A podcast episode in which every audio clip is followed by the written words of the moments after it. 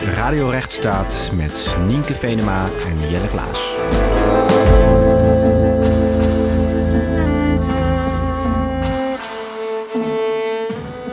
Welkom weer bij Radio Rechtsstaat, de podcast over waarom de rechtsstaat ook jou aangaat. In deze aflevering gaan we het hebben over vrouwenrechten en quota. Zouden we die in Nederland moeten invoeren? Wat zijn de bezwaren hiertegen en de voordelen? Quota zijn niet alleen relevant als het gaat om vrouwen. Ook andere groepen die ondervertegenwoordigd zijn in machtsstructuren kunnen hier baat bij hebben. De aanleiding voor dit onderwerp was een recent onderzoek van het World Economic Forum. Op hun ranglijst voor landen met gelijkheid tussen mannen en vrouwen zakt Nederland van de 16e naar de 32e plaats. De ongelijkheid in inkomen en politieke macht is hier zelfs toegenomen. Mannen en vrouwen doen het tijdens hun studie even goed, blijkt uit de lijst, maar veel slechter doet Nederland het op het gebied van politieke macht, arbeidsparticipatie en inkomen en gezondheid. Jelle, is, uh, zijn vrouwenrechten, is dat een onderwerp waar jij persoonlijk uh, veel affiniteit mee hebt? Ja, ondanks dat ik zelf geen vrouw ben, vind ik het wel heel erg belangrijk. Uh, ik ben ook heel feministisch opgevoed. En ik denk dat dat nou, echt een punt is waar we ook in Nederland nog wel wat werk te verrichten hebben. En ik vind ook het praten over oplossingen, over hoe kunnen we dat, uh, nou aan, uh, hoe kunnen we deze ongelijkheid opheffen. dan vind ik quota bijvoorbeeld heel interessant. En ook als je naar de Verenigde Staten kijkt, affirmative action en ook de procedures die daaromheen worden gevoerd, vind ik ook vanuit mijn werk heel relevant. Oké, dus meer, op meerdere fronten is het een onderwerp waar jij veel mee hebt. Ja. Uh, voor, voor mij geldt dat ook. Uh, al ben ik absoluut niet feministisch opgevoed. Ook niet per se onfeministisch, maar uh, bij mij werden er wel veel stereotypische dingen gezegd over wat bij mannen zou horen en wat bij vrouwen. Nee. Dus het blijft een onderwerp waar ik het gevoel heb dat ik veel stappen in kan maken. Um, even een korte disclaimer voordat we beginnen. Daar waar we het over vrouwen hebben in deze podcast, zijn we ons ervan bewust dat deze problemen ook veelal opgaan voor andere mensen die geen man zijn of die zich niet als man identificeren. Uh, met ons in de podcast vandaag is um, mevrouw dokter meester Aniek de Ruiter, de voorzitter van het Clara Wigman Proefprocessenfonds en universitair docent Europees Recht aan de UvA. Welkom Aniek, wat leuk dat je met ons in gesprek wilt. Ja, dankjewel. Nou, we willen het met je hebben, zoals we al eerder zei, zeiden, over vrouwenrechten uh, en de rechtsstaat. En vooral wat langer stilstaan bij het invoeren van quota. Is dat een onderwerp waar jij je. We hebben begrepen dat dat een onderwerp is waar jij je veel over uit hebt gesproken. Uh, ja, ik heb me daar eerder over uitgesproken in het NRC. Dat is alweer een tijdje geleden. Uh, ik ben heel erg voor quota. Laten we daar zo inderdaad op ingaan. Dat ben, zijn we heel erg benieuwd naar. Maar laten we toch eerst even beginnen met vrouwenrechten in het algemeen. Want ja. we weten natuurlijk niet wie er allemaal luisteren naar deze podcast. Hè. Je weet dat wij ons in ieder geval wel identificeren als feministen. Ik zit ook als bestuurslid in het Klare Wigman Proefprocessenfonds. Dus ons hoef je niet per se te overtuigen. Maar gewoon kort en krachtig en denk wel belangrijk. Um, hè, voor het geval dat er iemand luistert die meent dat de emancipatie in Nederland volledig voltooid is. Is de emancipatie in Nederland voltooid? Uh, nee. Hoewel ik wel altijd heel erg belangrijk vind om ook uh, toch een uh, soort van dankbaarheid en respect te hebben voor wat er al wel is gerealiseerd. Ook door onze, de generatie van onze moeders, denk ik. en natuurlijk ook de eerste golf. En er is tegenwoordig ook wel kritiek op, maar ik denk toch dat we daar wel op, op uh, brede schouders in die zin uh, bouwen. Is dat een uh, mm-hmm. uitdrukking? Ik nee. weet niet, maar ik verzin heel graag zelf uitdrukking. um, dus dat, dat denk ik wel dat dat heel erg belangrijk is om dat te zeggen. Maar we zijn er natuurlijk echt nog lang niet. Waarom niet? nou, er zijn nog allerlei dingen nog niet goed geregeld. We hebben nog steeds een enorme loonkloof. we hebben nog steeds. Um, uh, de, de percentages, nou ja, Nienke noemde het net al, uh, de percentages van, uh, van vrouwen ook in de hogere bestuursfuncties en noem maar op, dat is nog steeds schrikbarend. Maar ook op de universiteit zie je dat nog steeds.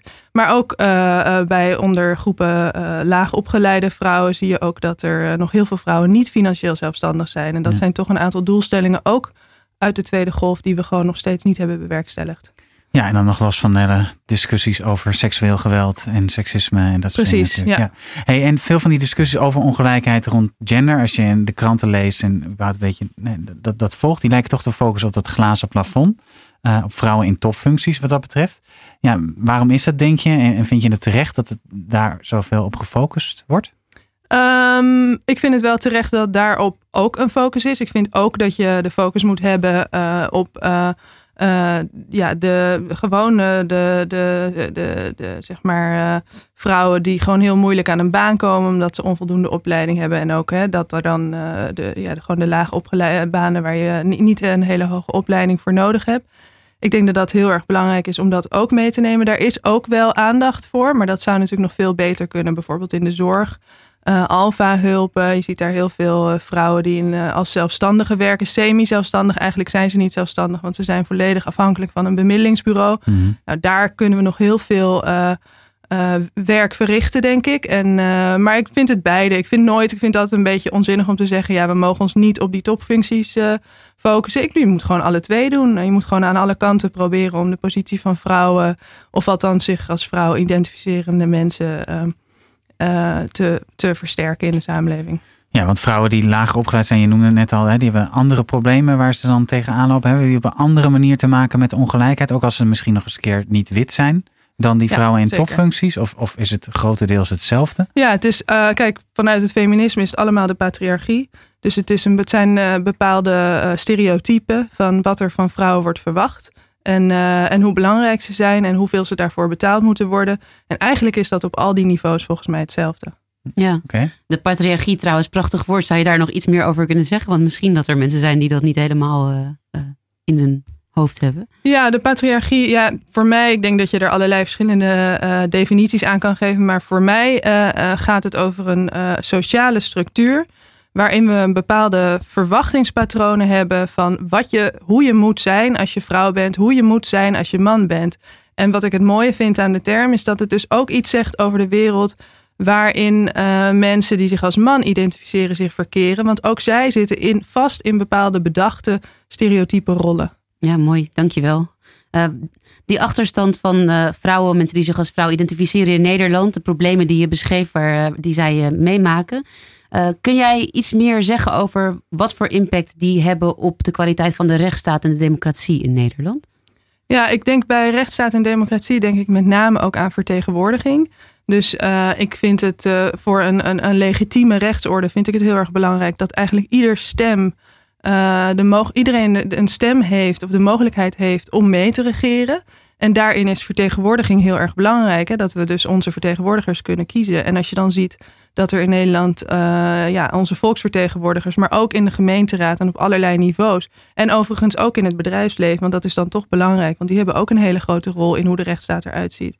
Als je ziet dat op al die plekken uh, vrouwen uh, ondervertegenwoordigd zijn, dan denk ik dat dat een enorm rechtsstatelijk probleem is.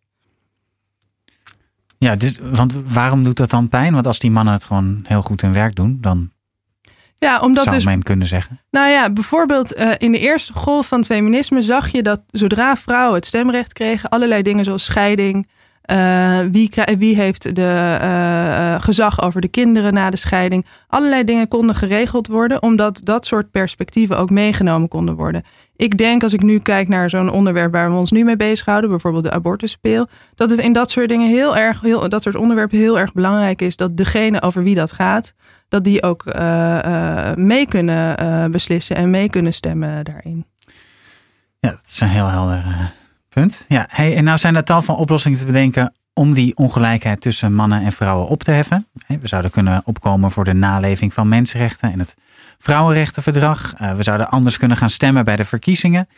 Of we zouden een demonstratie of desnoods een hele opstand kunnen organiseren bijvoorbeeld. Maar we willen met jou even stilstaan bij die quota. Het Europees Parlement heeft in 2013 een vrouwenquotum aangenomen. Voor 2020 zou 40% van de besturen in bedrijven die zou vrouw moeten zijn. Nou, die richtlijn daarover die werd daarna weliswaar helaas mede door Nederland geblokkeerd. Maar als ik even snel Google en wat erop doorklik, in steeds meer landen is er wel een quota. Er worden quota ingevoerd. Bijvoorbeeld Frankrijk krijgen politieke partijen geen subsidie meer als niet minstens 49% van de kandidaten vrouw is. En als je ook het effect daarvan ziet, hè, bijna de helft van de parlementsleden daar is vrouw tegenover een derde in Nederland. Um, nou ja, toch maar even beginnen met de baasvraag. Wat vind je van het invoeren van een quotum? Ja, ik, ja, nee, nou ja, zoals ik al zei, ik ben daar dus voor. Uh, zeker inderdaad ook daar waar het echt gaat over die dingen die in de rechtsstaat, uh, die, die de legitimiteit van de rechtsstaat ondermijnen. Dus vooral in de politiek, uh, maar ook in het bedrijfsleven. Ik ben daar heel erg voor dat daar quota komen. en ja, ik vind het altijd het makkelijkst uit te leggen als je het omdraait. Zeg maar, er wordt altijd gezegd van ja, als je dan een. Uh, als je dan wordt gekozen omdat je, of je wordt kandidaat gesteld omdat ze nou eenmaal aan hun quota, quotum moesten voldoen, dan ben je toch eigenlijk een beetje een soort van excuustruus. Maar als je het omdraait en je, ziet, je kijkt naar de huidige statistieken, dan zijn de echte excuustruzen toch nog steeds de mannen. Want uh, het zal als we bij uitgaan van gelijke geschiktheid, uh, dan uh, zou het toch ongeveer op 50-50 uit moeten komen. En blijkbaar hebben de mannen wel een enorm statistisch voordeel. Dus dan, dan, ja, dan kan je niet anders dan concluderen dat de excuustruzen de mannen zijn. Als iemand die ook een groot voorstander is van quota, vind ik dat een, een prachtige redenering die ik nog wel toe ga passen zelf, denk ik. Nog even voortbordurend op die ex, het excuustruus argument. Um, er zijn ook veel vrouwen die dat zelf vervelend zeggen te vinden. Dat op het moment dat er quota zijn, dat ze het gevoel hebben dat ze er dan om die reden zouden zitten. En dat ze zich daardoor wellicht ook kwetsbaar voelen. Uh, minder stevig in de schoenen van hun, uh, van hun functie. Is dat iets waar, waar jij mee te maken krijgt, waar je iets bij voor kan stellen? Ja, ik kan me daar wel wat bij voorstellen, omdat dat nou eenmaal is, uh, denk ik ook, waar, waar, ze dan waarschijnlijk op zullen worden aangesproken. Uh, maar dat, dat vergt dus, en dit soort veranderingen vergen dus enorm veel moed. Bovendien denk ik ook uh, dat je je dan zou kunnen bedenken dat, er, dat mannen, die heel gemiddelde mannen, want bij vrouwen moeten ze altijd heel erg uh, extreem goed zijn of briljant zijn in wat ze doen, maar gewoon de, het level playing field gaat over de gemiddelde mens. En dus ook bij gemiddelde mannen zullen zichzelf nooit de vraag stellen van heb ik dit eigenlijk uh, verdiend omdat ik man ben. Terwijl dat waarschijnlijk wel in heel veel gevallen zo is. Omdat hij gewoon eenmaal eerder op zo'n functie wordt gezien vanwege de stereotypen, vanwege wat we van hem verwachten. Uh, dus uh, ja, zolang mannen zich niet afvragen van... goh, zit ik hier niet eigenlijk als excuustruus... zie ik geen enkele reden waarom zij dat wel zou moeten doen. En de hoop is natuurlijk ook dat als dit... tenminste daarop voortbordurend weer... als quota succesvol zouden zijn... en er dus meer vrouwen op die posities gaan zitten... gaan we ons dat steeds ook minder afvragen. Precies, het wordt vanzelf normaal. Zoals in Amerika ook met de African Americans het geval is geweest. Ja, precies. Hey, en als je dan leest over de invoering van quota... Hè, dan worden door een aantal uh, mensen worden allerlei voordelen daarvan gesteld. Van, waarom is het heel goed om meer vrouwen in die besturen te hebben of meer vrouwelijke parlementariërs. Nou, jij noemde net een heel concrete die, die, die ik heel sterk vind. Maar punten die ik ook veel terug zie komen is dat vrouwen nou eenmaal socialer en zorgzamer zouden zijn. En dat besturen hiermee ook evenwichtiger zouden worden. En dat het minder haantjescultuur en dat soort dingen. Nou, ik persoonlijk ook vanwege mijn opvoeding, ik word daar heel erg kriegelig van. Omdat ik niet zo in dat mannen komen van Mars, vrouwen komen van Venus uh, argumenten. Dat, dat word ik, ik, ik uh, ja, dat mannen zijn per definitie zo, vrouwen zijn per definitie op die manier. Dus ik geloof niet zo in die harde tegenstellingen tussen mannen en vrouwen. Maar het wordt dus wel als een argument gebruikt van ja, daarom zijn quota goed en moeten we meer vrouwen hebben. Ik ben eigenlijk wel benieuwd aan jullie beiden, hoe jullie daarin staan. Uh, nou ik, ik vind dat inderdaad een, uh, een onzin argument. Ik vind ook, uh, je moet, als je het argumenteert vanuit middeldoel. Dus je hebt altijd een middel om tot een bepaald doel te komen. En uh, ik vind vrouwen niet een middel om zeg maar tot bijvoorbeeld ook hè, minder risicovolle investeringen te komen of weet ik veel wat. Ik denk dat vrouwen als zodanig uh, mensen sowieso een doel op zich zijn. En gelijkheid en eerlijkheid en rechtvaardigheid is ook een doel op zich. Dus het idee dat je een quota in zou voeren omdat het beter is voor je onderneming, dat vind ik niet aantrekkelijk. Ik vind het veel aantrekkelijker om te zeggen we voeren een quota in omdat het gewoon rechtvaardig is. Ja, daar ben ik het mee eens. Maar wat ik interessant vind aan wat je, wat je noemt, Jelle, is dat het is wel zo dat er is een heel interessant, ik neem een klein bochtje, maar er is een heel interessant onderzoek wat jij vast kent, Aniek, waarbij baby's met uh, drie verschillende kleuren pakjes, roze, blauwe en gele, aan ouders die niet hun eigen ouders zijn, worden gegeven. Die ouders worden gefilmd. Mm -hmm. En dan zie je dat de ouders met het gele pakje uh, ne vrij neutraal met het kindje omgaan. Met het roze pakje heel veel comfort, heel veel zorg. En met het blauwe pakje, groot zo stoere jongen. Mm -hmm. en, en de reden dat ik dat onderzoek aanhaal, uh, ik weet even niet meer van wie het was, maar is omdat je ziet natuurlijk wel dat mannen en vrouwen in deze samenleving anders worden gesocialiseerd. Uh, niet allemaal. Jij bent feministisch opgevoed, uh, maar zoals ik uh, al eerder tegen jou aangaf, ik wel wat meer. en ik denk wel dat op het moment dat op nu heel veel mannen op posities van uh, macht zitten, op posities van invloed zitten, zij ook hun socialisatie met zich meenemen. Dus hoewel het niet het doel is, want dat deel ik compleet met Aniek, denk ik dat het gevolg van meer vrouwen op dat soort plekken wel is, hoop ik, dat ook andere waarden meekomen naar die plekken. Uh, en dat er dus wellicht uiteindelijk wel een neveneffect van zal zijn dat de cultuur verandert. Dat het niet het doel moet zijn, nogmaals, helemaal mee eens. Maar ik denk wel dat het verandering zou brengen. En dat het in de praktijk dus ook wel meer vrouwen ook wel zal het leiden tot een iets minder macho cultuur of zo. Ja, en ook meer, minder uh, homogeen. Hè? Want ik denk ook, ik denk dat daarom toch veel mensen wel het voordeel zien van, uh, van meer diversiteit als zodanig. Ook, ook voor de uitkomsten dan, zeg maar Omdat uh, nog, kijk, als je nu kijkt naar het bedrijfsleven, zijn gewoon allemaal ja, soortzelfde type. Ze hebben allemaal zo'n grijs pak aan en het ziet er allemaal hetzelfde uit. Ze moeten zich ook allemaal hetzelfde gedragen. Hè, van in één keer wel, allemaal van die puntschoenen, in één keer niet. Allemaal van die puntschoenen. Is natuurlijk ook gewoon een kwestie van mode, maar het is ook een soort van cultuur. En ik denk dat als je daar plotseling allerlei ja, andere types tussendoor hebt lopen, dan wordt dat ook wat losser. Het, ik viel mij bijvoorbeeld nu op dat ik de laatste tijd veel vaker mannen in de trein met een broek en een trui en een overhemd zie zitten. En denk van, oh, er is iets.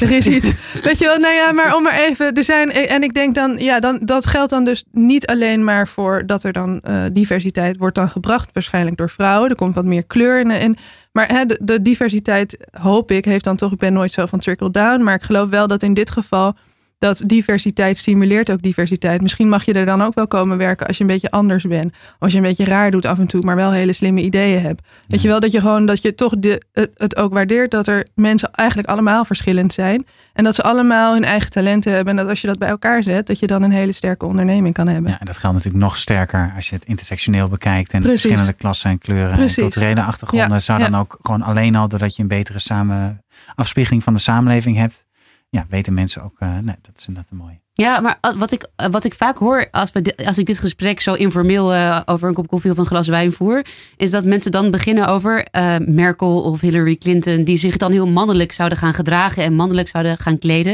En dat het voor vrouwen die wel op zo'n toppositie willen komen, dus ook belangrijk is om zich aan die mannelijke socialisatie te schikken en zich daar wat aan aan te passen. En ik ben heel benieuwd wat jij ervan vindt als iemand dat tegen jou zegt. Wat is daar jouw reactie op? Nou, ik denk eerlijk gezegd dat er uh, sommige mannen, als we kijken, als je ervan uitgaat dat zeg maar uh, dat je stereotype gender, man of vrouw, dat dat een klein doosje is. Ik denk dat er heel veel vrouwen die misschien wel veel gemakkelijker in dat mannelijke doosje passen, uh, worden, worden zeggen terug in je eigen hok, ga terug naar je eigen doosje en andersom ook. Dus ik denk dat er heel veel vrouwelijke mannen zijn die zich niet kunnen gedragen zoals ze zich eigenlijk voelen. Ik denk dat er ook wel best wel veel mannelijke vrouwen zijn die zich ook dus zeg maar, tegen Angela Merkel zeggen: ga terug in je hok. Waarom? Ik heb heel het gevoel bij haar dat ze redelijk authentiek is. Dat ze gewoon uh, slim is en goed in de werk. Ja, en overigens daar, daar nog aan toevoegend. Ik weet nog dat toen Theresa May werd verkozen, op een gegeven moment ging het alleen maar over de benen of de schoenen of weet ik veel wat. Dus je staat ook zo verschrikkelijk als vrouw in de spotlight op het moment dat je er dan bent. Precies, uh, maar goed, er is uh, overigens uh, politiek meegenomen veel discussie over de invoering van quota voor hoge posities in het bedrijfsleven. zou deze discussie niet ook gevoerd moeten worden over het bestuur van gemeenten? Google-sessie ook weer, maar 16 van de 64 burgemeesters in Nederland zijn bijvoorbeeld vrouw. En ook over het parlement en de regering. Wat denk jij? Ja, zeker. Dus uh, het zou uh, zeker uh, als het gaat om posities die met publiek geld worden betaald. daar dragen we allemaal aan bij. Dan wil je gewoon een 50-50 afspiegeling hebben van de samenleving. Oké, okay, en, en stel dat dat gereguleerd zou worden, dat bijvoorbeeld de helft van het bestuur van een land of van een gemeente, dat die vrouw moet zijn. Ja, zie je daar dan ook rechtsstatelijke bezwaren tegen als dat wordt vastgelegd? Uh, nee, ik zie daar geen rechtsstatelijke bezwaren tegen. Ik weet wel dat op dit moment is dat nog uh, juridisch nog heel erg ingewikkeld in Nederland. Hè. Onlangs werd er geprobeerd in Groningen om uh, daar wat meer gelijkheid te krijgen in de benoemingen op de universiteit. En dat is teruggefloten door de rechter. Dus in Nederland is deze, loopt deze jurisprudentie achter. Ik denk dat wij daarin wat minder hm. progressief zijn dan we altijd denken. En jullie zijn allebei jurist. Dus voor mij is dat als, als politicoloog minder duidelijk. Waarom, waarom is dit lastig? Waarom had de rechter het daar moeilijk mee? Ja, omdat wij er, wij zijn eigenlijk hier nog gewoon niet zo goed in, denk ik. En wij zien bijvoorbeeld uh, allerlei vormen van positive action. In het Nederlands is dat dan positieve discriminatie. Zien wij als discriminatie. Dus dan gaan mannen, wij denken, of wij vinden, dat mannen ook discriminatie kunnen roepen op het moment uh, uh, dat ze in dat soort gevallen ongelijk worden behandeld. Ja, dat, dat was ook mijn vervolgvraag. Hè. Dus stel dat je het wel kan regelen, dus dat er vanuit wordt gaan, hè, er is een achterstand die. Hè, vanaf 1919 hebben vrouwen het kiesrecht. Um, dus je zou kunnen zeggen als overheid, nou een paar jaar is het even lastig om vrouwen dan ook die gelijke machtspositie te geven. Maar goed, we zitten inmiddels in 2017. Wordt het toch wel een beetje pijnlijk dat er dan 16 van de 64 burgemeesters uh, vrouw zijn. Ja. dus het idee van die affirmative action is ook van dat moet gewoon gelijk worden getrokken. En dan kun je daarna weer, weer, weer verder. Ja. Um, en dat is inderdaad, die, die stap wordt in Nederland niet gemaakt. In Amerika natuurlijk wel. Ja, ja en, en dat is ook mijn vervolgvraag. Hè, zou een verongelijkte aanhanger van het patriarchaat hè, dan niet succesvol naar de rechter kunnen stappen en zich inderdaad kunnen beroepen op discriminatie? Er is nu een procedure ook in de Verenigde Staten gewonnen. Van of nee, gevoerd, volgens mij net verloren. Van de witte studenten die zegt: Ik ben niet toegelaten op deze universiteit, want er is affirmative action. En zwarte mensen kregen deze plek. Ja, hoe, hoe, zie jij dat? Ehm, juridisch die, die. Nou ja, weet je wat het is met gelijkheid? Is het natuurlijk, uh, je hebt altijd dat plaatje van uh, wat is nou gelijkheid? Is gelijkheid, zeg maar, als je allemaal over de schutting wil kijken, is gelijkheid dan dat iedereen, zeg maar, een opstapje krijgt van dezelfde hoogte? Of is gelijkheid zorg, ervoor zorgen dat iedereen over die muur kan kijken en je krijgt een opstapje die, zeg maar, gerelateerd wordt aan je lengte? En uh, dus dat je allemaal over de muur kan kijken. Dat, dat plaatje, uh, denk ik, is hier heel erg van toepassing. En kijk, zo, ik vind niet dat je zomaar je kan beroepen op gelijkheid als je feitelijk onderdeel uitmaakt van een groep uh, die eigenlijk alleen maar wordt voorgetrokken. Dat is, dat is wat mij betreft geen gelijkheid. Dan beroep je je op beginselen die niet voor jou zijn bedoeld. Ja, interessant. Ik, ik, ik merk dat ik trouwens blijf hangen, jullie als juristen weer, maar ik merk dat ik blijf hangen in op ook waarom loopt Nederland achter? Wat is het, waarom loopt Nederland dan achter ten opzichte van andere landen wat betreft jurisprudentie? Hebben jullie daar een antwoord op? Nou, ik, ja, wil jij daarop? Uh, weet nee, jij nee, jij begon ja? met antwoorden. Nou ja, kijk, in de Verenigde Staten is er natuurlijk heel veel. Uh, goed, dat, dat, dat volgen we meer vanuit dat strategisch procederen. Daar is natuurlijk vanuit die burgerrechtenbeweging. Precies eigenlijk met het voorbeeld wat Aniek zegt. werd er op een gegeven moment gewezen van ja, je kunt wel doen alsof we gelijk zijn. Maar kijk naar wat er allemaal is gebeurd. En kijk naar de armoede. En kijk naar het enorme verschil. En wat voortkomt uit slavernij. Dit moet worden opgeheven.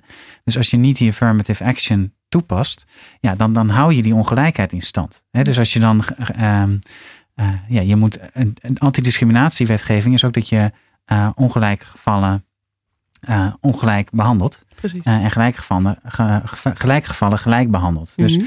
En, en ja, dat vereist dus wel een bepaalde politieke wil om dat recht toe te passen om ongelijkheid ook echt op te heffen. En niet alleen maar formalistisch te zeggen, de regel is voor iedereen hetzelfde. En of of hè, de, het opstapje om over de muur te kijken is voor iedereen hetzelfde. Ja. Dus in Amerika zijn er heel veel Supreme Court uitspraken ook over. En er wordt daar heel goed naar gekeken. En in Nederland hebben we kennelijk die discussie nog te weinig gehad.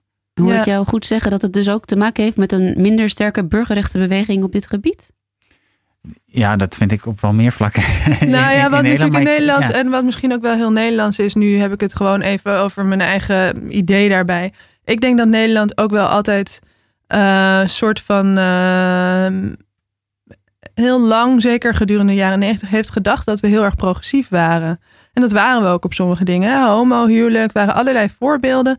Uh, waarbij we ja, best wel uh, vooruit liepen, zeg maar. Dat was ons idee. Maar tegelijkertijd hebben we in die periode dat we zo, zo ongelooflijk gelukkig met onszelf waren, hebben we niet echt goed gekeken, volgens mij. En heel veel dingen ook echt niet willen zien. die, die wel gewoon nog steeds aan de hand zijn. En zoals in Amerika is toch echt de erkenning van ons racisme, ons seksisme, maar met name ons racisme is institutioneel. Dus het zit ingebakken in allerlei rechtsstructuren. Uh, dat hebben wij uh, eigenlijk nooit zo bedacht. Uh, en, en ik denk dat, we, dat er daardoor, hoewel sommige mensen zeggen dat het daar ook erger is, maar ze hebben er in elk geval beter over nagedacht. En ook toen ik daar ging studeren, toen pas ben ik echt in aanraking gekomen met feminisme. Omdat in elk vak, in elk rechtenvak daar aan de universiteit, wordt een, in elk geval twee weken of zo besteed aan feministische theorie. Nou, dat heb ik hier echt nog nooit gehad bij de rechtenstudie. Ja, nou zijn er natuurlijk ook nog steeds heel veel problemen helaas in Amerika, ondanks dat, dat systeem. Maar die erkenning, en wat, wat interessant is in Nederland, is dat die cijfers, die liegen er niet om. Ja. En toch zie je dat veel mensen die tegen quota zijn, uh, ook als je op, op de, de, discussies op de verschillende websites kijkt, die ontkennen toch die ongelijkheid. Hè? Die, die zeggen van uh, mensen hebben het gelijke, hebben gelijke recht, dat hebben we al heel lang. En dus is er geen vrouwenongelijkheid meer. Ja. En dat vind ik zo fascinerend, omdat ja, je, hoeft, je kunt gewoon tellen. Je kunt gewoon kijken hoeveel mensen zitten daar bij het bestuur. Ja. Een derde van de Tweede Kamerleden is vrouw. En dan vervolgens switchen ze. En dan verlaten ze het punt van, uh, ja, het is. En dan zeggen ze, ja, maar vrouwen die willen ook niet. Ja, hoe kom je bij die vrouwen die willen part-time Ze zijn niet te krijgen, en, uh, we kunnen ze nergens vinden. Ja. En, en, kwaliteit uh, gaat wel nog voor. Ja, en, en dan gaan ze, ja, maar het interessante is dat ze dan in één keer toch een beetje een, seks, of een, beetje, een seksistisch argument over dat het dan toch aan het vrouwelijke ligt of aan dat vrouwen. En, en, en ook dat parttime werken, alsof daar geen structurele uh, grondslag voor is. Dus dat vind ik wel fascinerend. Dat, ja, en dat, en dat argument van kwaliteit, dat is ook heel erg fnuikend. Hè? Want dan, dan wordt er dus altijd gezegd van ja, maar ja, dan zeggen ze ja, bij gelijke uh, kwaliteit, dan uh, kiezen wij voor een vrouw. Maar het seksisme en de stereotypering zit ingebakken in wat is kwaliteit? En wat kwaliteit is, hebben we heel veel mannelijke elementen die, daar, die we daar zeg maar als invulling voor geven. Dus gelijke kwaliteit, daar kom je al niet eens aan als vrouw. Uh, laat staan dat je dan nog wordt voorgetrokken. Want dat vindt men toch eigenlijk ook altijd een beetje oneerlijk. Of dan is zij zo'n excuustrus. Dus maar bij het criterium kwaliteit hebben we al heel veel mannelijke of met, met, met man zijn geassocieerde eh, karaktereigenschappen ingebakken. Ja, ja. Wat jij in Amerika meemaakte, waar dat je daar pas echt in aanraking kwam met feminisme, is een, voor mij een vergelijkbare ervaring geweest. Ook als het overigens gaat over, over racisme. Uh, maar voor mij uh, heel interessant om uh, hier in dit gesprek ook mee te krijgen dat de rechtsstaat dus niet iets statisch is, maar dat die ook mede wordt gevormd door de politieke wil en de burgerrechtenbeweging in het land. Dus wat dat betreft ook denk ik heel erg de kern van wat Jelle en ik hier met deze podcast proberen te bespreken. Um, en ook een goede aanleiding voor eigenlijk de laatste vraag. Namelijk, denk jij dat een goed werkende rechtsstaat voldoende biedt om de ongelijkheid tussen mannen en vrouwen uiteindelijk op te heffen? Ja, want een, een goede rechtsstaat is rechtvaardig.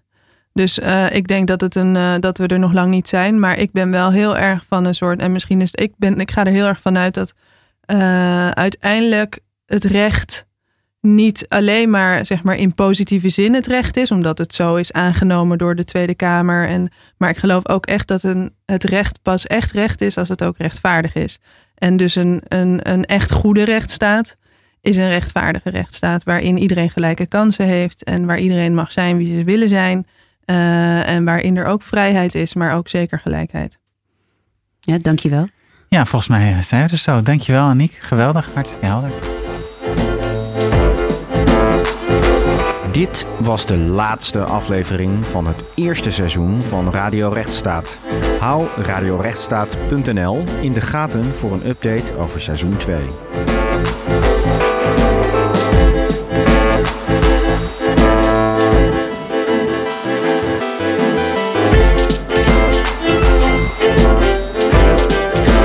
Radio Rechtsstaat is gemaakt door Nienke Venema, Jelle Klaas en Andreas Willemsen.